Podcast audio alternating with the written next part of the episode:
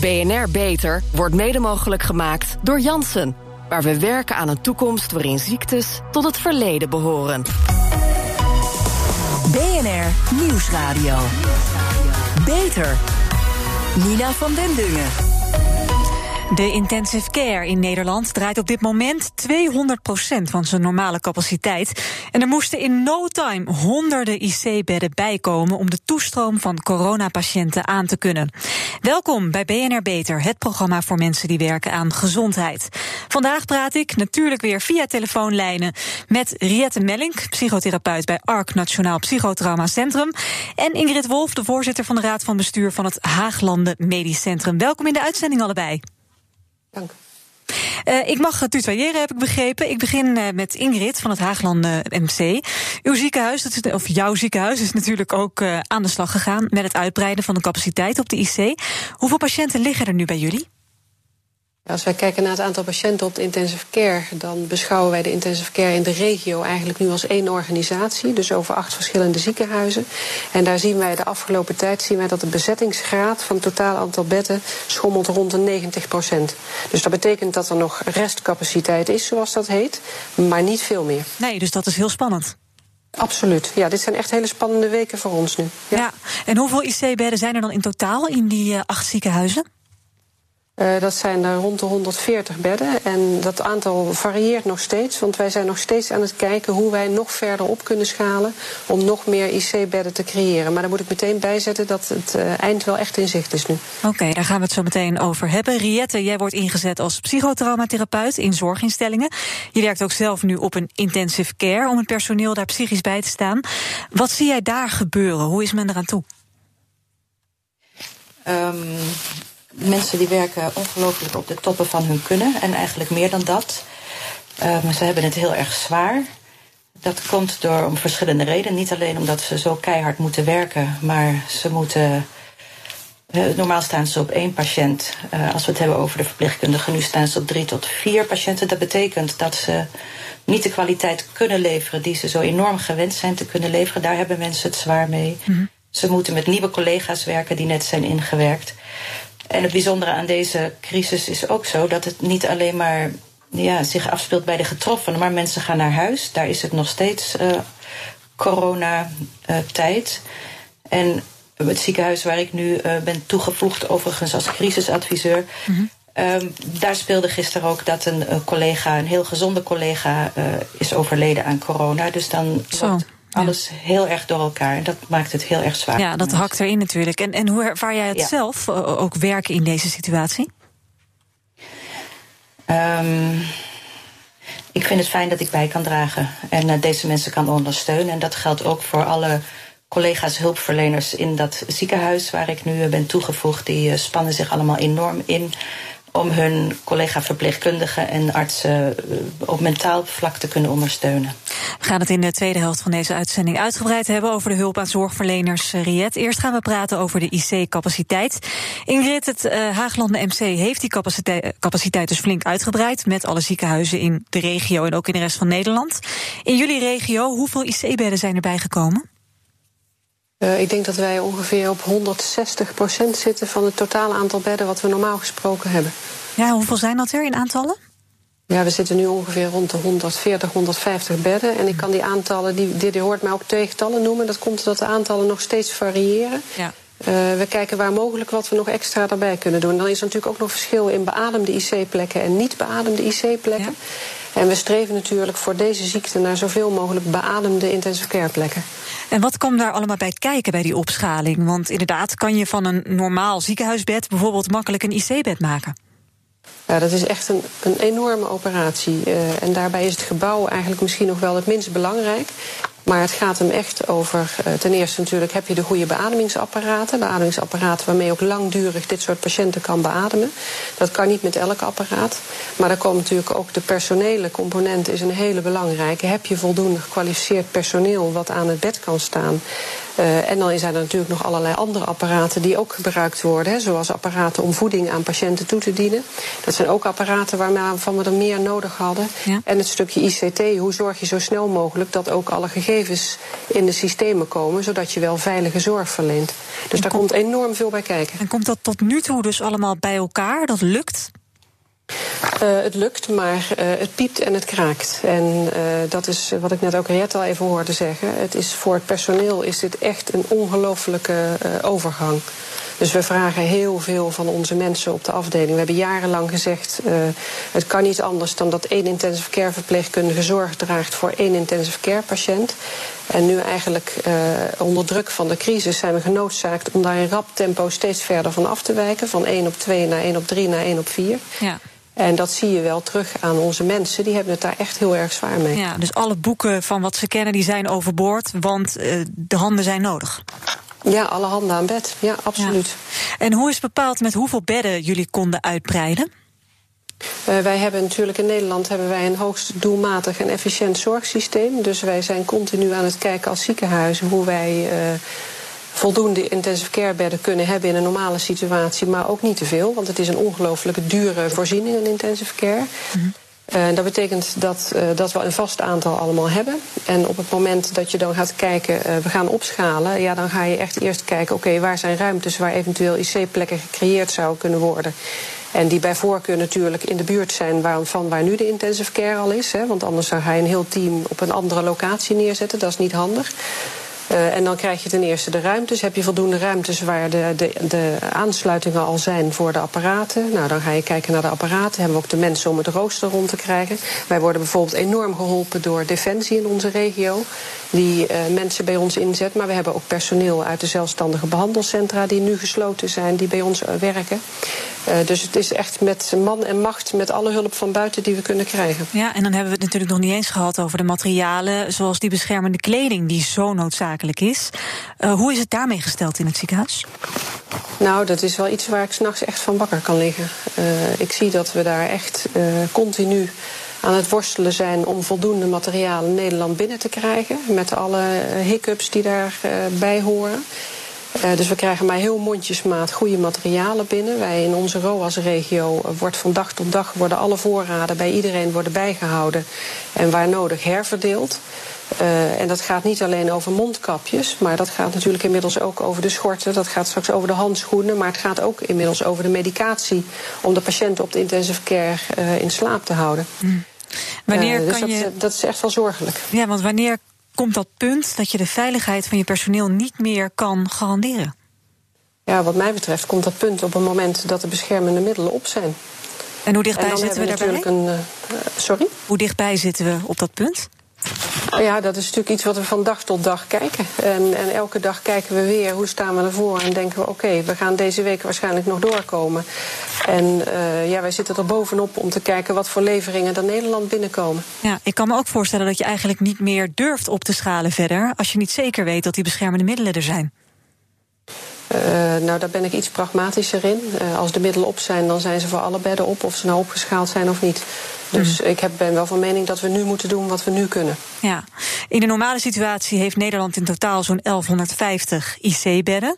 Um, er was al best wel lang bekend dat dat in bepaalde gevallen te weinig zou zijn. Hè. Een griepepidemie twee jaar geleden, toen werd er al gewaarschuwd voor een tekort. Daar is eigenlijk dus niks mee gedaan met die conclusie toen. Hoe kan dat? Nou, ik denk dat bij de griepepidemie twee jaar geleden was het ziektebeeld totaal anders. Hè? Dus uh, toen was eigenlijk meer uh, het gebrek aan bedden op de afdeling op dat moment is het grootste probleem geweest. Uh, en de uitstroom richting de VVT-instellingen. Um, ik zie dat dit ziektebeeld is totaal anders. Want de grootste behandeling van dit ziektebeeld speelt zich af op de intensive care. Dus beademingscapaciteit is eigenlijk alles hierin. Ja. Um, dus dit, ik denk niet dat we dit zo uh, daar hadden kunnen gezien. Maar wat ik net ook zei, ja, het is een hele dure voorziening, een intensive care bed. En wij zijn altijd in goed overleg met onze zorgverzekeraars. Om te zorgen dat wij natuurlijk de bedden die er zijn doelmatig instellen. Het, heeft, het is vrij duur om het hele jaar door 500 extra bedden leeg te hebben staan. Maar wel het personeel ervoor rond ja, te hebben lopen. Ja. Dat is onbetaalbaar. Ja, dat natuurlijk sowieso. Uh, nou zei ook nog Ernst Kuipers, de arts die landelijk de groei van de IC-bedden coördineert. Die zei eerder in in Nieuwsuur dat de corona-epidemie nog lang niet voorbij is... en dat we ons ook weer moeten gaan voorbereiden... om de andere patiënten op de IC weer vol te kunnen ontvangen... en in de rest van het ziekenhuis. Is dat haalbaar op een korte termijn, denk je, Ingrid? Uh, nou, dat is natuurlijk waar iedereen druk mee bezig is. Er is vanaf het begin af aan van de crisis, dat zie je ook in alle landelijke uitingen, zijn er een bepaald aantal bedden houden we vrij voor uh, de patiënten die geen corona hebben, hè, voor de overige medisch uh, noodzakelijke zorg. Dus dan gaat het over patiënten die een auto-ongeval krijgt of een patiënt die kanker krijgt en geopereerd moet worden. Van die dingen hebben wij gezegd dat moet doorgaan. Wat wij nu wel zien is dat een heleboel overige zorg ook wegvalt. Dus bijvoorbeeld patiënt die een herseninfarct krijgt. Uh, ja, dat is toch noodzakelijke zorg. Maar gek genoeg hebben we daar de afgelopen weken in alle ziekenhuizen minder patiënten van gezien. En daar hebben wij grote zorgen om. Want uh, wat betekent dit en wat gebeurt er nu met die mensen?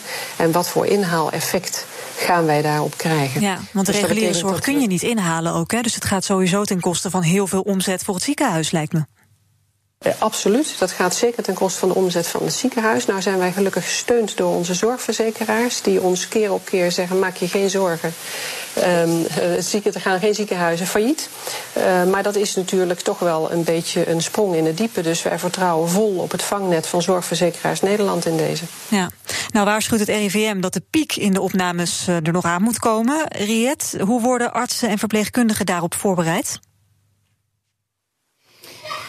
Ja, um, kijk, als je het hebt over. Die druk is er al weken. Uh, want het moet steeds maar meer en meer en meer. En dat um, terwijl mensen al het gevoel hebben: het kan eigenlijk niet meer.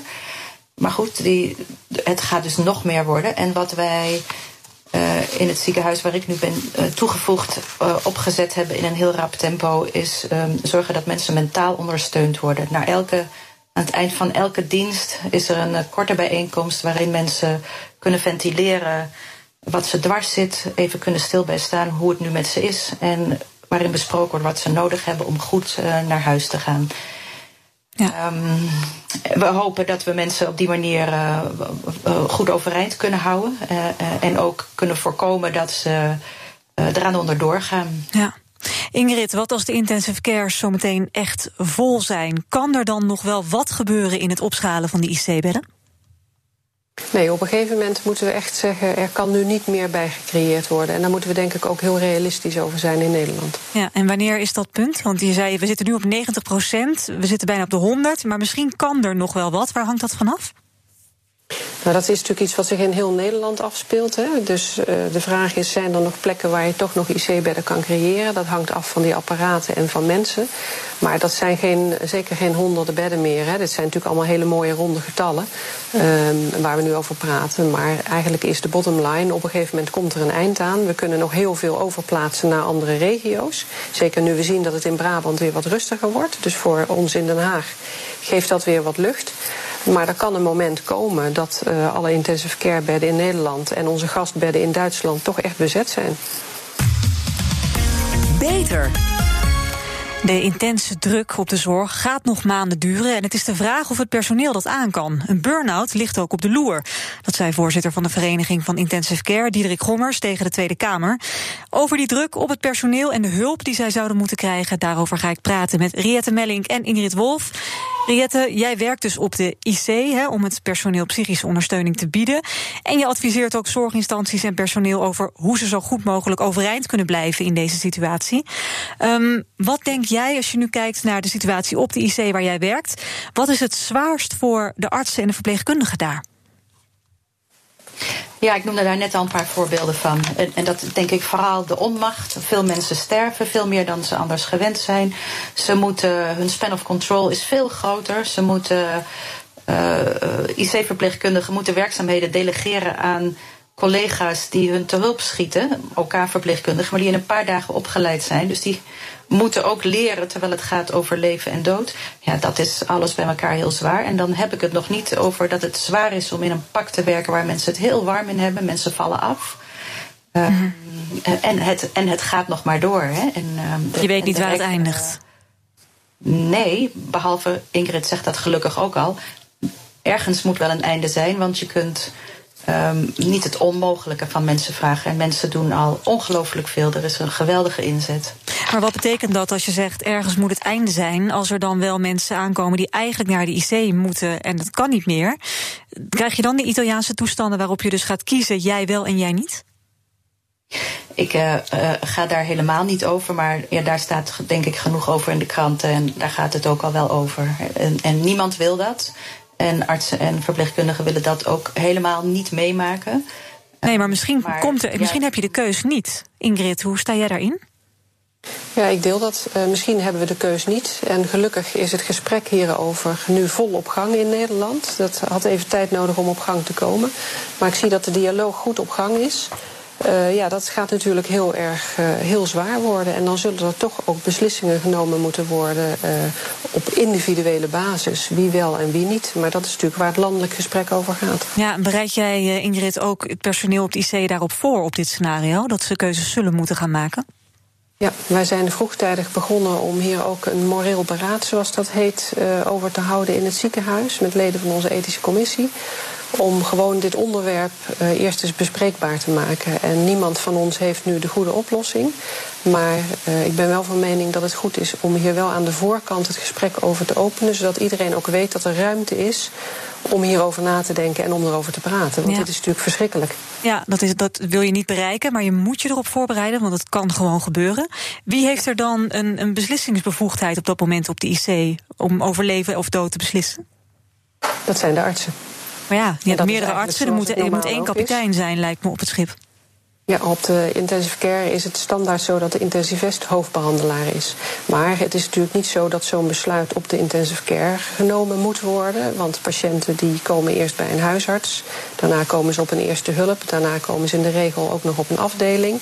En dan pas komen ze op de intensive care. Dus er zijn wel degelijk meerdere momenten waarop er met uh, patiënten gesproken kan worden. En dat gebeurt nu ook al. Ook nu wordt met elke patiënt individueel goed gesprek gevoerd door zowel de huisarts als de eerste hulpdokters, als de triagisten op onze afdelingen. Ja.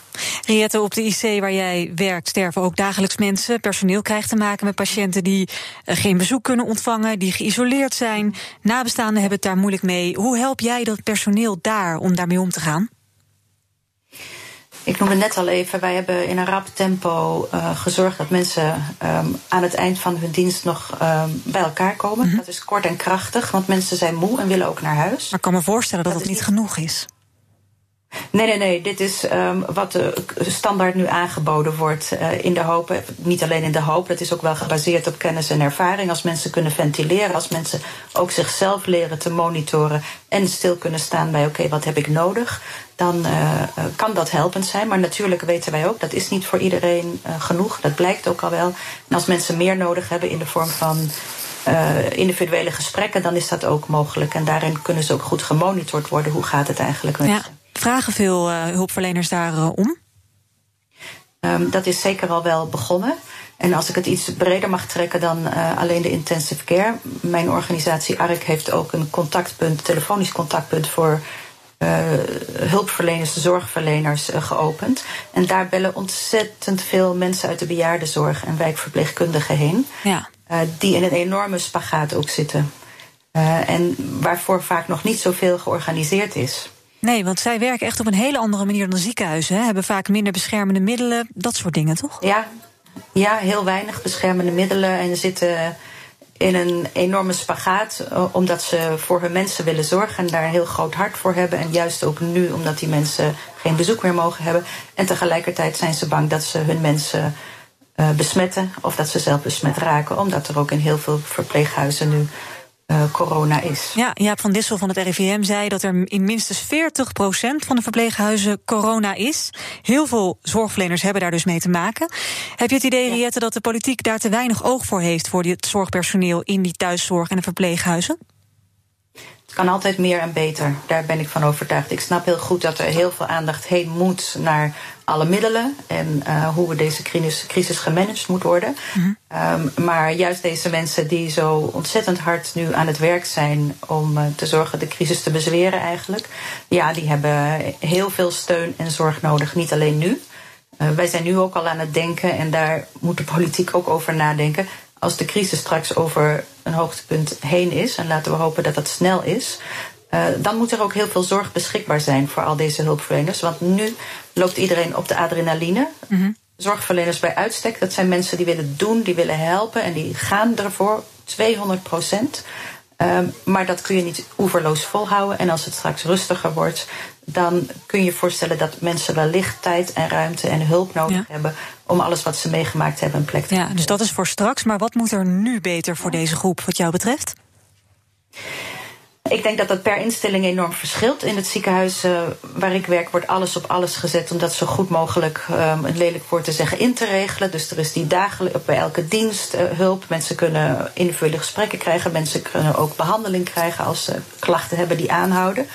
Ze kunnen ook 24 uur een, een dienst bellen. Maar ik heb ook wel uh, bij dat contactpunt, telefonisch contactpunt, waar ik ook in de diensten meedraai, gehoord van een psycholoog die mij belde voor een zorginstelling van 3000 werknemers, mensen die bejaarden verzorgen, mm op alle mogelijke manieren. Daar zijn tien psychologen en die is gevraagd: kun je de opvang gaan regelen voor die 3000 mensen? Dat kan, um, maar dan moet je goed gesteund worden door je raad van bestuur of hoe het ook heet in de, de instellingen. Mm um, en ik zou ook heel graag het belang van iedere leidinggevende willen benadrukken. Die, um, als die goed achter zijn of haar mensen kan staan. Je hoeft niet overal een oplossing voor te hebben, want er zijn nu heel vaak geen oplossingen. Um, maar dat je de mensen goed ziet en hoort en naar alle kunnen kunt, ja, handelt om ze te ondersteunen. Dat is heel belangrijk. Mensen hebben het zo hard nodig om gesteund te worden door hun leidinggevende, door hun raad van bestuur. Ja. En door de politiek natuurlijk. Ik vraag jullie allebei tot slot eh, als eerste Riet. De situatie gaat nog weken, misschien wel maanden duren. Gaan de zorgverleners dat volhouden, denk je? Ik denk dat het enorm veerkrachtige mensen zijn, maar het zijn ook mensen en ik kan dat helemaal niet voorspellen. Ingrid, wat denk jij? Ik denk dat ze het eh, gaan volhouden op basis van het uh, uithoudingsvermogen, maar dit gaat echt een enorme strijd worden. Hartelijk dank voor jullie eh, bijdrage aan deze uitzending. Ingrid Wolf van Haaglanden Medisch Centrum en Riette Melling van ARK Nationaal Psychotrauma Centrum. En veel sterkte de komende tijd. Zorgvernieuwers. Een groot deel van de coronapatiënten moet aan de beademing. En zoals we weten zijn daar dus grote tekorten aan, aan die apparatuur die daarvoor nodig is. Onderzoekers van de Universiteit Twente werken daarom aan een nieuw soort beademingsmasker. En dat is gemaakt van een heel gewoon duikmasker. Daar praat ik over met professor Stefano Stramigioli van de robotica vakgroep daar. Um, uh, meneer Stramigioli, hoe wordt een duikmasker aangepast om dan als zuurstofmasker te kunnen dienen? Ja, het, uh, wat het eigenlijk gebeurt uh, is, kijk, het, iemand die moet beademen kan uh, allemaal zelfstandig uh, ademen of helemaal niet. En dat de helemaal niet wordt dus juist, de IC is fundamenteel daarover. Maar er zijn een aantal mensen die dan wel een beetje kunnen ademen. En wat je daar kan doen is gebruik te maken van wat het ETC-PAP. Dat is eigenlijk, uh, het staat voor Continuous Positive Airway Pressure. Dat is eigenlijk wat mensen gebruiken voor apneuproblemen s'nachts. Dus ja, het is een continu stroom lucht. Uh, en normaal gesproken, de, de maskertjes die daarmee uh, gebruikt worden, als je uitademt, uh, de lucht gaat gewoon in, in de kamer, zeg maar. Ja. Maar dat wil je voorkomen, omdat in, bij corona natuurlijk heb je besmetting gevaar. Ja, je wil het liever ergens binnenhouden, in een masker bijvoorbeeld. Precies, en je wil de druk beter regelen. Dus deze maskers zijn eigenlijk bedoeld om onder water te gaan snorkelen. En dus zijn volledig gesloten. Dus je kan dan uh, uh, eigenlijk door, door een adapter te, te gebruiken die wij ontworpen hebben, kan je een continu stroom lucht binnen de masker laten komen, mm -hmm. zodat de longen open gehouden worden. En dan als de patiënt uitademt, gaat de lucht naar buiten via een filter. En dus besmet de omgeving daaromheen niet. Ja, en dat zijn dus dan niet de mensen die geïntubeerd zijn. Dat kan niet, die kunnen niet zelfstandig ademhalen. Maar zo'n 20 tot 30 procent van de patiënten, die kan dit dus wel aan. Ik vroeg me wel af, het is een masker, zo'n duikmasker. Ik heb dat met het snorkelen een uurtje op, hartstikke leuk. Maar ik moet er niet aan denken dat dat heel erg lang op mijn hoofd zit. Want dat doet best wel pijn op een gegeven moment, toch? Ja, dat is natuurlijk uh, ja, het is niet de, de, de beste oplossing. Maar uh, gezien dan, uh, zoals we net gehoord hebben, de tekort aan intensive care bedden voor intubatie, wil je alleen daar gebruik maken als het echt strikt noodzakelijk is. Dus je kan dan de IC en de intubatie en de plekje bij IC ontlasten door, door deze, deze mogelijkheid ook te, te gaan gebruiken. -hmm. Uh, en uh, en uh, ja, optimaal is misschien niet, maar dat helpt zeker ook therapeutisch om weer normaal tot de situatie, zeg maar bij de instroom van een ziekenhuis en ook aan het laatste stadium, voordat hij gewoon weer de ziekenhuizen verlaat. Ja, ja, en dat precies. is nu al in Frankrijk op 30 patiënten zeer succesvol gebruikt worden. En in Italië wordt al een hele tijd gebruikt. En iedereen is, uh, de klinici waar ik mee werk, zijn heel enthousiast daarover. Ja, en wanneer komen ze naar Nederland? Of uh, kunnen we dat verwachten? Ja, nou, dat, uh, we zijn er nu mee bezig. we gaan de eerste testen dan ook in Nederland starten. En ik denk dat binnenkort echt gebruiken zullen worden. Omdat gewoon simpelweg de noodzaak daar is. Ja, dat is mooi nieuws. Hartelijk dank, professor Stefano Stramigioli. En tot zover BNR Beter van deze week. Is natuurlijk terug te luisteren via bnr.nl of via je favoriete podcast-app. En ik kan alleen nog maar zeggen: blijf binnen, blijf gezond, luister BNR. Mijn naam is Nina van den Dungen. Tot een volgend spreekuur. BNR Beter wordt mede mogelijk gemaakt door Jansen. Waar we werken aan een toekomst waarin ziektes tot het verleden behoren.